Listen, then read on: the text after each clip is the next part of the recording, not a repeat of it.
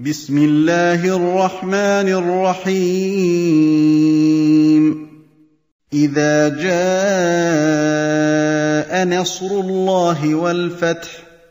يقول الله تبارك وتعالى إذا جاء نصر الله والفتح ورأيت الناس يدخلون في دين الله أفواجا فسبح بحمد ربك واستغفره إنه كان توابا.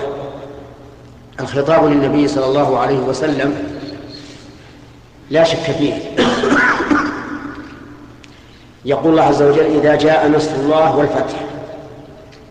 النصر هو تسليط الإنسان على عدوه بحيث يتمكن منه ويخذله ويكبته.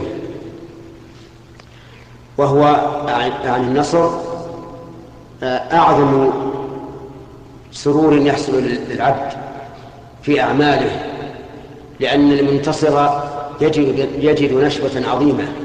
وفرحا وطربا لكنه إذا كان بحق فهو خير. وقد ثبت عن النبي صلى الله عليه وسلم أنه قال نصرت بالرعب مسيرة شهر أي أن عدوه مرعوب منه إذا كان بينه وبينه مسافة قصر مسافة شهر. والرعب أشد شيء يفتك بالعدو. لأن الذي حصل في قلبه الرعب لا يمكن أن يثبت أبدا بل سيطير طيران الريح. و و فقوله إذا أجاء نصر الله أي نصر الله إياك على عدوك والفتح معطوف على النصر. والفتح به نصر لا شك لكنه عطفه على النصر تنويها بشأنه وهو من باب عطف الخاص على العام كقوله تعالى تنزل الملائكة والروح فيها. أي في ليلة القدر. فالملائكة هم الملائكة والروح جبريل وخصه بالذكر لشرفه. وأل في قوله والفتح للعهد الذهني أي الفتح المعهود المذهول آه المعهود في أذهانكم وهو فتح مكة. وكان فتح مكة في السنة الثامنة من الهجرة في رمضان في رمضان. وسببه أن النبي صلى الله عليه وسلم لما صار لما صالح قريشا في غزوة الحديبية الصلح المشهور نقضوا العهد. فغزاهم النبي عليه الصلاة والسلام. وخرج إليه مختفيا. وقال اللهم عني عمي أخبار أخبارنا عنهم فلم يفجأهم إلا وهو محيط بهم عليه الصلاة والسلام. ودخل مكة. في العشرين من شهر رمضان عام ثمان من الهجرة منصورا مظفرا مؤيدا حتى إنه في النهاية اجتمع إليه كفار قريش حول الكعبة فوقف على الباب يقول يا معشر قريش ما ترون أني فاعل بكم؟ وهو الذي كان قبل ثمان سنوات هارب كان هاربا منهم. وكان وكان الآن في قبضته وتحت تصرفه. قال ما ترون أني فاعل بكم؟ قالوا خيرا أخ كريم وابن أخ كريم. قال إني أقول لكم كما قال يوسف لإخوته لا تثريب عليكم اليوم يغفر الله لي ولكم يغفر الله لكم. ثم من عليهم عليه الصلاة والسلام بالعفو فعفى عنهم. هذا الفتح سماه الله تعالى فتحا مبينا. فقال إنا فتحنا لك فتحا مبينا. أي بينا عظيما واضحا. ولما حصل عرف العرب بل عرف الناس جميعا أن العاقبة لمحمد صلى الله عليه وسلم وأن دور قريش وأتباعها قد انقضى. ورأيت الناس يدخلون في دين الله أفواجا. أي جماعات بعدما كانوا يدخلون فيه أفرادا ولا يدخل فيه الإنسان في بعض الأحيان إلا مختفيا صاروا يدخلون أفواجا في دين الله. وصارت الوفود ترد على النبي عليه الصلاة والسلام في المدينة من كل جانب حتى سمي اليوم حتى سمي العام التاسع عام الوفود. فجعل الناس يدخلون في دين أفواجا فسبح بحمد ربك واستغفره. إنه كان توابا. يقول الله عز وجل إذا رأيت هذه العلامة فسبح بحمد ربك واستغفره. كان المتوقع أن يكون الجواب فاشكر الله على هذه النعمة واحمد الله عليها. نصر وفتح ما جزاؤه من العبد.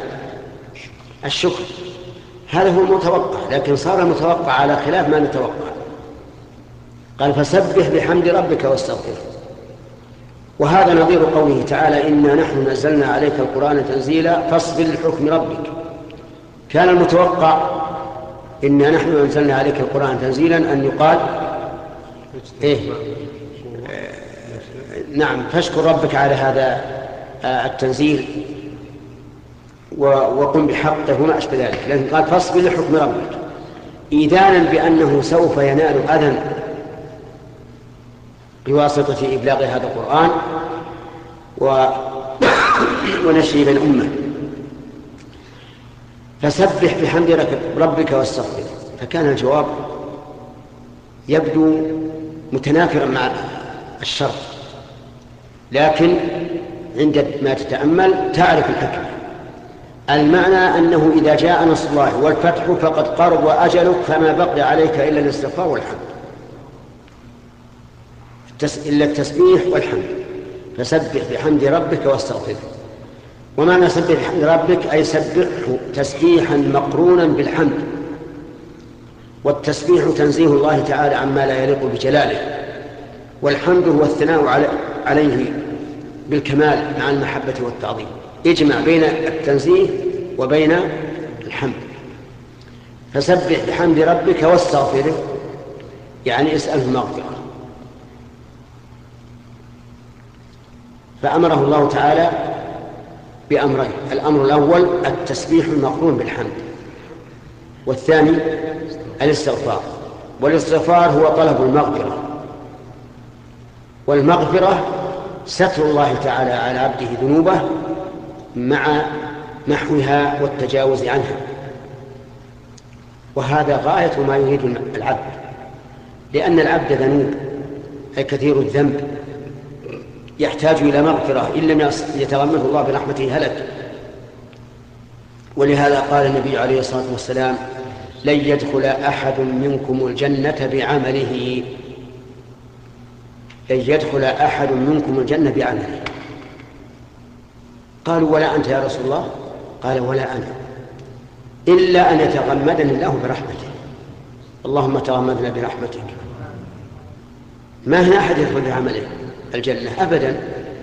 لأن عملك هذا لو أردت أن تجعله في مقابلة نعمة من النعم واحد نعمة واحدة لأحاطت به النعم. فكيف يكون عوضا تدخل به تدخل به الجنة؟ ولهذا قال بعض العارفين في نظم الله إذا كان شكري نعمة الله نعمة علي له في مثلها علي له في مثلها يجب الشكر فكيف بلوغ الشكر إلا بفضله؟ وإن طالت الأيام واتصل العمر. فسبح بحمد ربك واستغفره إنه كان توابا. أي لم يزل عز وجل توابا على عباده فإذا استغفرته تاب عليك. هذا هو معنى السورة. لكن السورة لها مغزى. مغزى عظيم لا يتفطن له لا يتفطن له إلا الأذكياء. ولهذا لما سمع عمر بن الخطاب رضي الله عنه أن الناس انتقدوه في كونه يدني عبد الله بن عباس مع صغر سنه ولا يدعو أمثاله من شباب من شباب المسلمين. وعمر رضي الله عنه من أعدل الخلفاء الراشدين. أراد أن يبين للناس أنه لم يحارب ابن عباس في شيء. فجمع كبار المهاجرين والأنصار في يوم من الأيام ومعهم عبد الله بن عباس. وقال لهم ما تقولون في هذه السورة إذا جاء نصر الله والفتح؟ ففسروها بحسب ما يظهر فقط. فقال ما تقول ابن. يا ابن عباس؟ قال يا أمير المؤمنين هذا أجل رسول الله صلى الله عليه وسلم. المعنى كأن الله يقول له إذا إذا جاء نصر الله والفتح ورأيت الناس يدخلون في دين الله أفواجا فقد انتهت مهمته. ولم يبقى عليك إلا الرحيل. وأنت ما خلقت للدنيا لتتنعم فيها وتبقى فيها طويلا. خلقت لمهمة انتهت. فهو أجل رسول الله صلى الله عليه وسلم فقال والله ما أعلم منها إلا ما تعلم إلا ما تعلم. فتبين بذلك فضل ابن عباس وتميزه وأن عنده من الذكاء والمعرفة بمراد الله عز وجل ما افتقده كثير من الناس. لما نزلت هذه السورة جعل رسول الله صلى الله عليه وسلم الذي هو أشد الناس عبادة لله وأتقاهم لله جعل يكثر أن يقول في ركوعه وسجوده سبحانك اللهم ربنا وبحمدك اللهم اغفر لي. فنقول سبحانك اللهم ربنا وبحمدك اللهم اغفر لنا ذنوبنا وإسرافنا في أمرنا وثبت أقدامنا وانصرنا على القوم الكافرين.